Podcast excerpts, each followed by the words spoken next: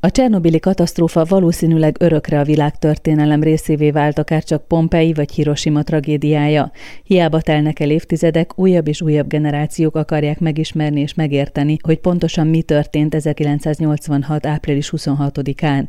Éppen emiatt született meg, és már klasszikussá is vált a Csernobil Tények, Okok, Hiedelmek című könyv, ami most újra megjelent, és amelynek szerzői Szatmári Zoltán és Aszódi Attila szakszerűen ugyanakkor mindenki számára érthető módon ismertették a súlyos baleset okait és lefolyását, az ahhoz vezető műszaki, társadalmi és politikai okokat, a kibocsátott radioaktív szennyezés földrajzi eloszlását és annak egészségügyi következményeit. Aszúdi Attila professzorral beszélgettünk a könyvről. Ezt a könyvet mi 2005-ben írtuk, és igazság szerint akkor már régóta bosszatott bennünket az, hogy egy csomó olyan dolog hangzik el a közbeszédben, ami véleményünk szerint nem állja meg a helyét, és aztán azt gondoltuk, hogy írjuk le a szakmai véleményt, legyen meg, hogy ha valaki érdeklődik ez iránt, hogyha szeretne tájékozódni, akkor legyen hova fordulnia, és ezt a tájékoztatást szolgálja ez a könyv. Önök 2005-ben voltak a helyszínen, megnézték a szarkofágot és mindent, ami ott bejárható volt. Mit tapasztaltak? Valójában nem csak az volt benne a lényeges, hogy megnézzük a helyszínt és megnézzük a szarkofágot és a környékét, hanem mi egy nagyon részletes mérési program tervével mentünk ki, és ezt a mérési programot ott végre is tudtuk hajtani. Tehát ott a környezetben ugye nagyon sok radioaktivitás van kint a Csernobili lezárt zónában, és ezt mi felmértük, nagyon sok mérést végeztünk, mintákat vettünk, talajmintát, vízmintát, fűmintát, állati maradványokat kerestünk, és ezeket mértük meg utána laboratóriumi körülmények között, úgyhogy ezek nagyon-nagyon értékes tapasztalattal szolgáltak a számunkra. Most már a film is nagyon sok mindent elárul, de hogy azt írja, hogy hat nagyon súlyos hiba együttes hatása okozta a balesetet, és hogyha bármelyik hiba nincs, akkor nem történik ez meg. Ez döbbenetes. A filmmel kapcsolatban nekem az a véleményem, hogy egy nagyon érdekes film, és abban a szempontból nagyon fontos szerintem, hogy 33 év után újra felhívta a figyelmet az egész körülményrendszerre, mindarra a társadalmi hiba rendszerre, ami elvezethetett ehhez a balesethez. Erre szerintem érdemes kitérni, erről érdemes beszélni, és én azt látom, hogy a fiatalokat rettentően érdekli ez a téma, azokat is, akik nem élték meg ezt annak idején, azóta születtek, mégis valahogy olyan misztikum és olyan különleges események övezik ezt a balesetet, ami miatt ez most az érdeklődés homlokterébe tudott kerülni. Na most a hibákkal kapcsolatban pedig eh, tényleg az a helyzet, hogy nagyon sok eh, döntés, hibás döntés született, és a fő üzenet, és ez az, amire mindenkinek mindig is emlékeznie kell, az, hogy a tervező asztalon tudnak születni hibák, hibás döntések, amelyek utána, hogyha a rendszer nem megfelelő és nem engedi ezeket a hibákat felszínre jutni, akkor utána nagyon súlyos következményekhez vezethetnek. És az nem csak az atomenergetikára igaz, ez nem csak a Szovjetunióra, a volt Szovjetunióra igaz, hanem nagyon sok más mérnöki, technikai környezetben is azt észre lehet venni, csak hogyha a nem régi időszaknak a példáit mondom, a Boeing repülőgépeknek, a 737 Max-eknek a balesetei, azok szintén ilyen több egymásra rakódó mérnöki hibából származnak, és amiatt nem kerülhettek felszínre, mert az ellenőrzési módszerek, rendszerek nem voltak megfelelőek, és így aztán nem lehetett ezeket a hibákat időben feltárni. Tehát ez egy örök érvényű tanulság. Arról kérdezhetem, hogy kifejezetten a Csernobyl katasztrófa esetében milyen mulasztások történtek, tehát milyen emberi tényezők játszottak közre? Mert ugye az a rendszer a Szovjetunióban, az a hierarchia, az a fölkészültség, szóval, hogy van erről egy víziónk, de hogy valójában mi történt. Igen, ez megint egy nagyon-nagyon fontos és releváns kérdés. Tehát azt kell látni, hogy a Csernobili balesettel kapcsolatban az alapvető hibát a tervező követte el, azáltal, hogy egy úgynevezett grafit moderálású vízhűtésű reaktort rakott össze, amelyben az ő benne lejátszódó fizikai folyamatok következtében van egy olyan instabilitási hajlam, egy úgynevezett pozitív visszacsatolás, ami bizonyos körülmények között nagyon fel tud erősödni, és aztán nagyon kedvezőtlen fizikai folyamatokhoz tud vezetni. Tehát ez a legfontosabb hiba, a legalapvetőbb ok, amit hogyha nem követ el a tervező, vagy hogyha nem engedi a hatóság a tervezőnek, hogy ez a hiba megfelelő kezelés nélkül maradjon, akkor ez a baleset nem jött volna létre. De erre a hibára további tervezési hibák rakódtak rá. Ez a reaktor nagyon nagy méretű volt, nagyon nehéz volt szabályozni, és a szovjeteknek a szabályozás szabályozási rendszerben alkalmazott technikai megoldások, azok meglehetősen elmaradottak voltak az akkori nyugati technikához képest is, és ez lehetővé tette azt, hogy ez az instabilitásokkal bíró reaktorzóna, ami hatalmas nagy méretű, rossz szabályozás következtében még inkább egy olyan instabil helyzetbe kerüljön és működjön, ami aztán a balesethez el tudott vezetni. És ezen túl még vannak további tervezési hibák, nem volt megfelelő üzemzavarokra méretezve ez a reaktor, nem volt ellátva olyan hermetikus védőépülettel, ami a nagy kibocsátást meg tudta volna akadályozni. A tervezésében nem vették figyelembe azt, hogy, hogy egy ilyen nagyobb baleset előfordulhat, és a megfelelő ellenintézkedéseket ennek következtében nem tették meg, és ezen túl nagyon fontos azt érteni, hogy mindaz, amit eddig elmondtam, ez igazániból a számukra világosá vált, mert 86-ot megelőzően voltak olyan üzemzavarok hasonló reaktorokon, amelyek rámutattak arra, hogy ez a reaktor instabilan működik, és bizonyos körülmények között baj lehet belőle, de ezeket a felismeréseket nem kezelték megfelelően, és a, a szervezet megint a hiányos biztonsági kultúra következtében nem hajtott végre alapvető biztonságnövelő intézkedéseket, amelyeket egyébként minden további nélkül meg lehetett volna tenni a azt megelőző évek üzemeltetési tapasztalatai alapján. És akkor mindezekre rakódik rá az ottani operátoroknak a, a nagyon súlyos hibája, amit a film egyébként nagyon jól bemutat szerintem, hogy milyen arrogánsan és milyen rosszul irányították ott az erőművezetői ezt a létesítményt és a benne végrehajtandó kísérletet, és ezek az operátori, üzemeltetői hibák rakódtak rá erre a nagyon súlyos tervezési hiba rendszerre, amit az előbb elmondtam, és aztán ez vezetett el ez a szörnyű katasztrófához. Kívülállóként olyan döbbenetes, hogy tételesen leírják, hogy semmiféle kísérletet nem lehetett volna ott végrehajtani, és mégis kaptak egy ilyen utasítást, és megcsinálták. Igen, és ezt a kísérletet ráadásul nem is jól készítették elő, nem volt végig számolva, nem volt a megfelelő hatósággal, illetve szakértő intézettel ellenőriztetve, jóváhagyatva, és ettől a nem jól megtervezett és nem engedélyeztetett kísérleti tervtől is eltértek, tehát elképesztő fegyelmezetlenül jártak el az operátorok, de még egyszer mondom, hogy az alapvető hibát nem a működtetők, nem az operátorok, hanem a, tervezők követték el. Ez azért releváns, azt azért kell hangsúlyozni, mert a, a balesetet követően elég nagy vita volt ezzel kapcsolatban. A szovjet hatóságok megpróbálták a felelősséget egy az egyben rátolni az üzemeltetőkre, és ez egy darabig úgy is tűnt, hogy sikerült, de aztán utána mégiscsak a, a józanész és a nemzetközi szakmai közösségnek a határozott fellépése oda tudott vezetni, hogy ez az álláspont megváltozott, és felismerése leírásra került, hogy a tervezők vétettek. Ugye ez már csak azért is rettentően fontos volt, mert hogyha belegondol, hogyha egy atomerőmű jól van megtervezve, és súlyos operátori hibák ugyan, de, de mégiscsak oda vezethetnek, hogy egy ilyen súlyos baleset következik be, hát akkor abból azt tűnhetnek ki, hogy, hogy itt bárhol, bármikor bekövetkezhet valami hasonló esemény, ami egészen biztosan nem így van. Emiatt írnak külön fejezetben a nukleáris fóbiáról, hogy a mai világban milyen ellenállás van egyetlen az atomerőművekkel kapcsolatban, pedig ha jól csinálják, ha körültekintően, akkor nem lehet baleset? Igen, igen, jól látja, így van. A mi tézisünk pontosan az, hogy magában az, hogy a Csernobili baleset bekövetkezett, az nem jelenti azt, hogy nem lehet jól atomerővet építeni vagy működtetni. Az atomenergia tiszta és biztonságos tud lenni, ha jól csinálják, de ehhez jól kell csinálni. Miért fontos tisztázni az áldozatok számát? Ugye egy ember élet is sok, de itt sokszor esik arról, hogy az elmúlt 33 évben keringenek számok, hogy mennyi áldozattal járt ez a katasztrófa. Ez miért lényeges? Ez több okból is lényeges. Az egyik ok az az, hogy az átlagember, a laikus ember valójában ez iránt érdeklődik. Nyilván az első kérdés az, hogy miért történt, a másik kérdés az, hogy milyen következményei lettek. És a másik ok, ami miatt ez szerintem lényeges kérdés, hogy a sugárzáshoz, a sugárzó anyagokhoz és magához a radioaktivitáshoz, mint természeti jelenséghez nagyon speciális emberi érzelmek kötődnek.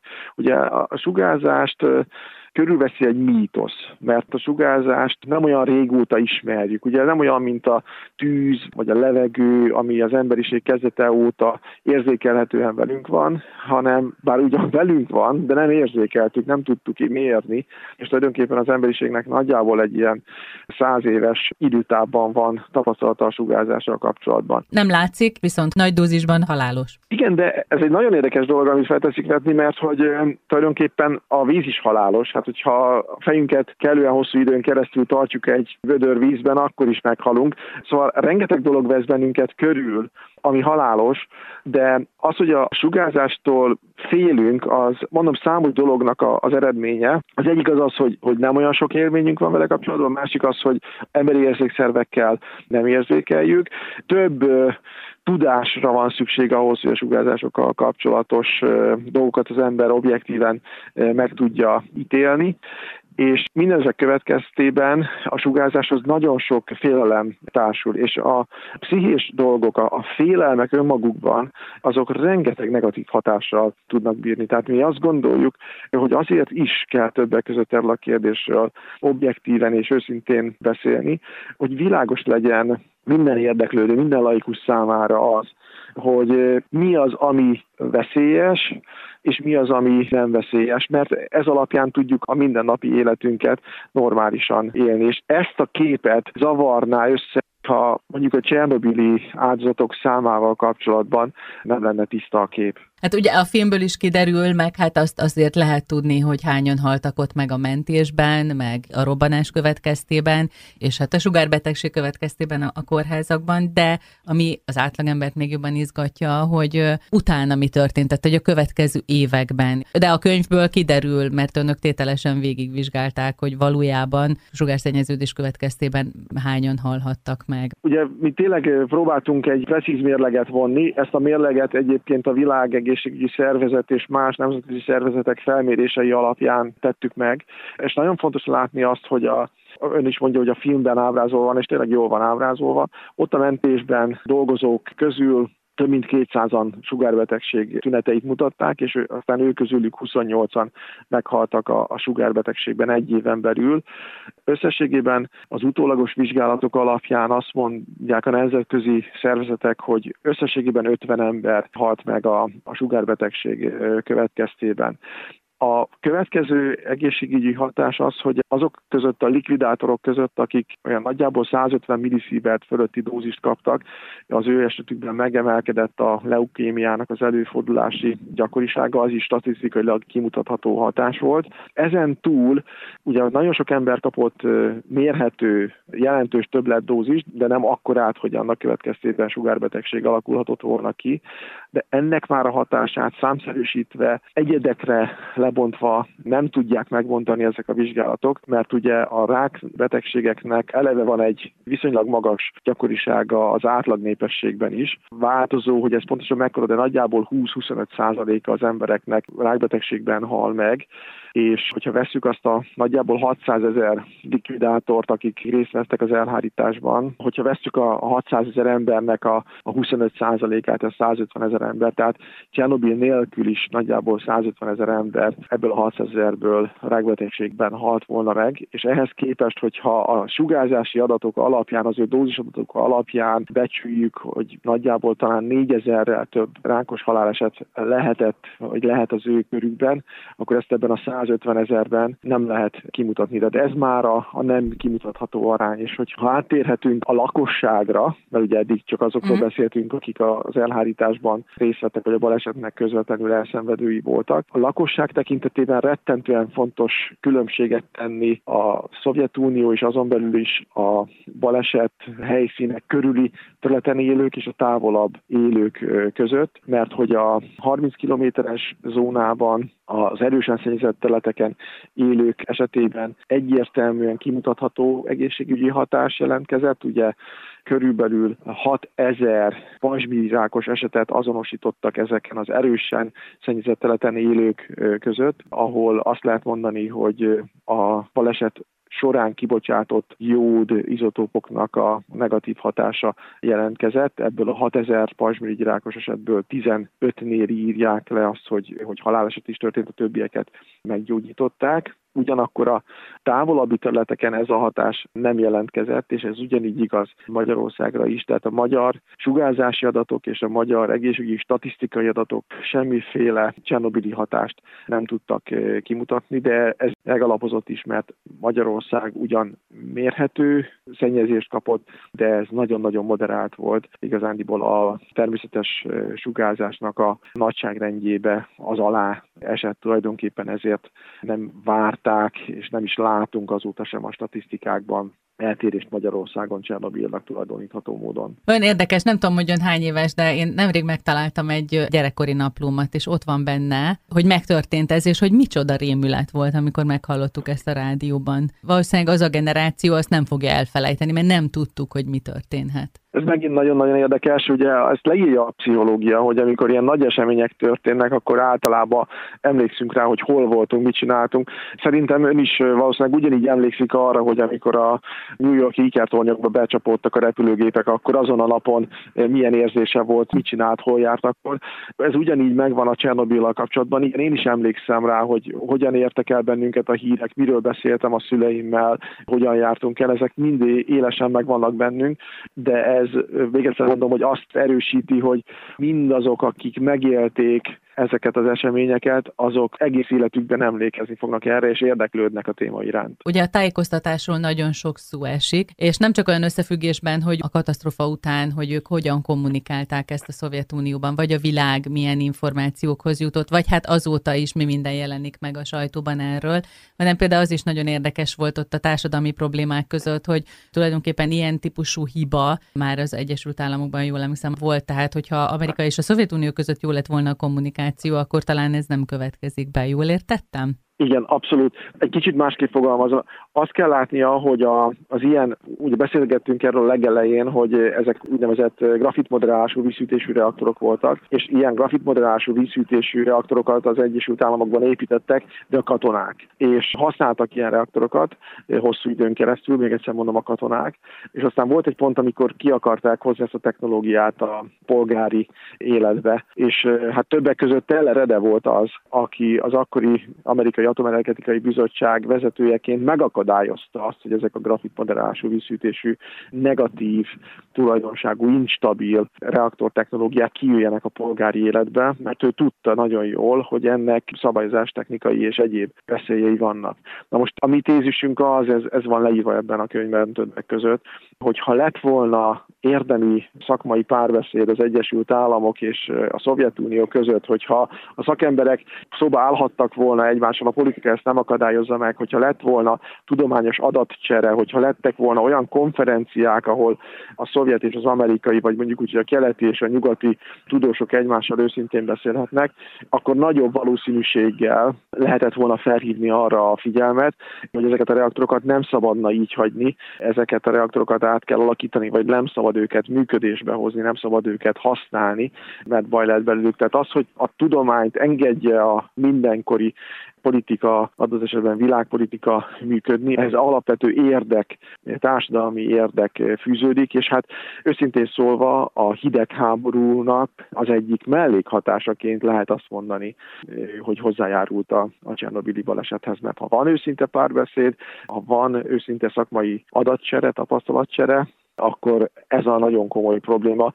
Esetleg hamarabb felszínre kerülhetett volna, még azelőtt, hogy ez a baleset bekövetkezett. És hát a tájékoztatás minősége is. Visszatartottak információkat, tehát a Szovjetunió nem kommunikálta, hogy milyen súlyos a baj. Megerősítjük, hogy ez így volt. Nagyon-nagyon rossz volt a kommunikáció, és nagyon súlyosan rossz volt a kommunikáció. Tehát az, hogy, hogy hosszú napokon keresztül a Szovjetunió nem mondta, hogy mekkora baj van, nem kértek őszintén segítséget, nem közölték a reaktor állapotával kapcsolatos adatokat, nem közölték a kibocsátási adatokat, nem közölték közölték azt, hogy mire lehet számítani hosszabb távon, ez óriási negatívum volt, és hát tulajdonképpen az egész problémakörhöz kapcsolódó félelem rendszert alátámasztotta, és az emberekbe beleégett ez a dolog, és mind a mai napig bennük van.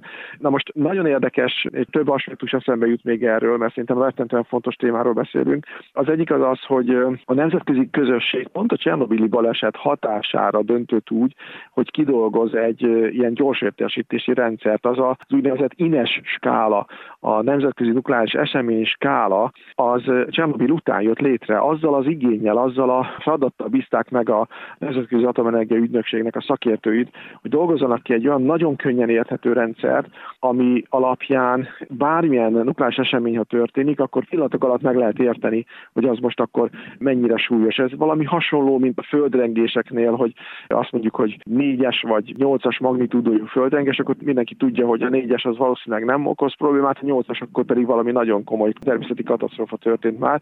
Szóval egy ugyanilyen, egy hétfokozatú skálát dolgoztak ki akkor a nemzetközi szakértők, és ezt mind a mai napig használjuk.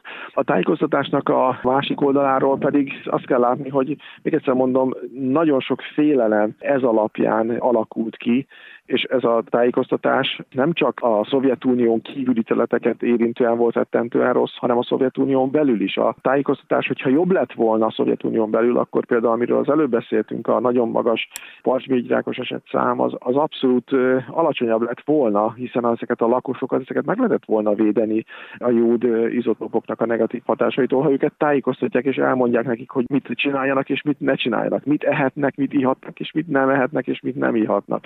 Tehát a tájékoztatáshoz rengeteg hiba kapcsolódik. Magyarországon is óriási hibák történtek ezzel kapcsolatban, mert nem volt itt sem információ, a hatóságok próbálták védeni a szovjeteknek a vélt érdekeit, de senki nem tudta, hogy valójában mik is ezek az érdekek, és hogy is kéne eljárni. Tehát a kommunikációs tájékoztatási szempontból én azt gondolom, hogy a Csernobili baleset és az utána következő hetek azok igazi állatorvosi ló példát adnak arra vonatkozóan, hogy hogy szabad és hogy nem szabad kommunikálni krízis helyzetekben. Csernobil, tények, okok, hiedelmek. Aszódi Attila professzorral beszélgettünk erről a ma már klasszikusnak számító könyvről, amit Szatmári Zoltánnal közösen írtak 2005-ben. A kötetet a Tipotex kiadó jelentette meg újra.